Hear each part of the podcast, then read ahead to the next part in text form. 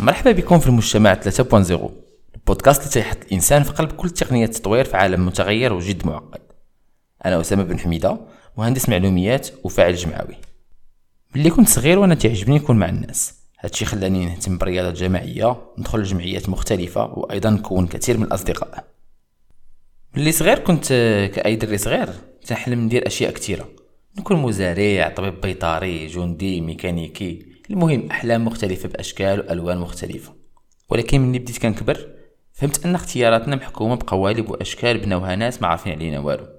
ماشي حيت تقصير منهم بالضرورة ولكن حيت داكشي اللي تعرفوا يديروا. من المدرسة اللي كتقرأ فيها حتى الخدمة باش كتعيش مرورا بالنادي الرياضي فين كتريني والواحد وفي المستشفى فين كداوى وحتى في المحكمة فين تاخد آه، حسن السيرة والسلوك. في كل هاد الأماكن والمحطات تحس براسك غريب على ديك المكان. كأنه مصوبش باش يستقبلك مع أن كل هاد المؤسسات الشعار نحن في خدمة المواطن أو الزبون. أنا ما تنتكلمش فقط على هندسة أو ديكور المكان ولكن أيضا تجربة كاملة من ناحية الخدمة وكيفاش ناخدوها. هادشي اللي تكلمت عليه تيخص أيضا الجمعيات اللي الدور ديالها تمثل الإنسان في المنظومة.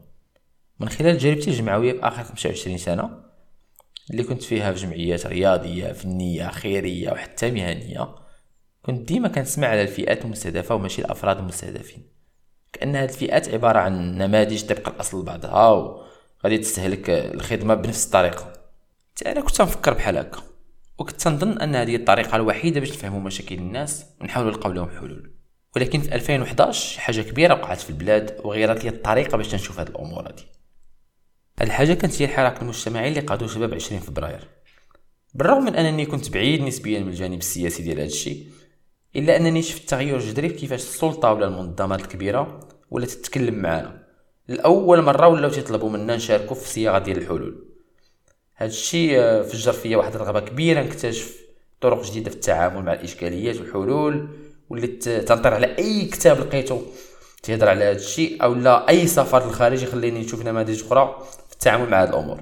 في هذه الرحلات هذه تاحت لي فرص نتلاقى مع رؤساء ديال الدول قادة منظمات كبرى فاعلين مجتمعيين المهم ناس غيروا الوجه ديال المجتمع ديالهم.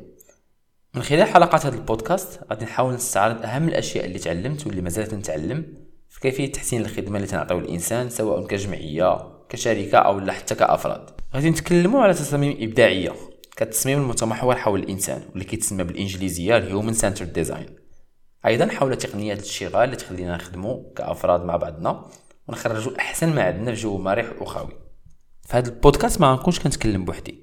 غادي نحاول أيضا نستضيف ناس استعملوا طرق إبداعية في المبادرات ديالهم باش نسمعوهم وأيضا نستافدوا منهم هذا البودكاست غادي يكون أسبوعي وغادي نحاول نبقى نخرج حلقة كل جمعة. هادشي اللي كاين في هذه الحلقة. شكرا حيت بقيتي معايا ونتسامعوا الجمعة الجاية.